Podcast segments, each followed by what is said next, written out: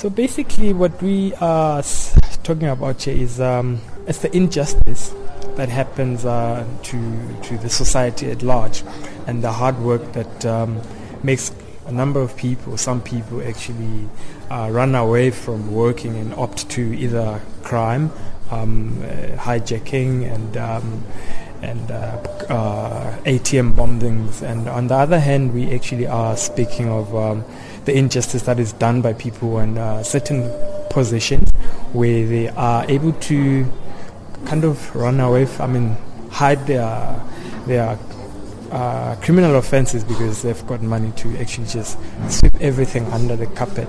And um, on the other side, it's just the statistics that we got from um, SPCA um, that uh, shows the kind of um, the number of crimes that have been committed throughout our, our provinces in, in, in South Africa.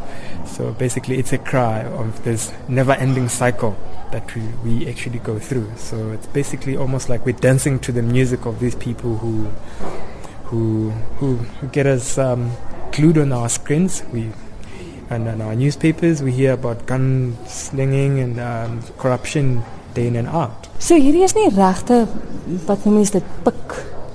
Die die kop van die pik nie, is dit sement. Yeah, yes, everything is made of cement.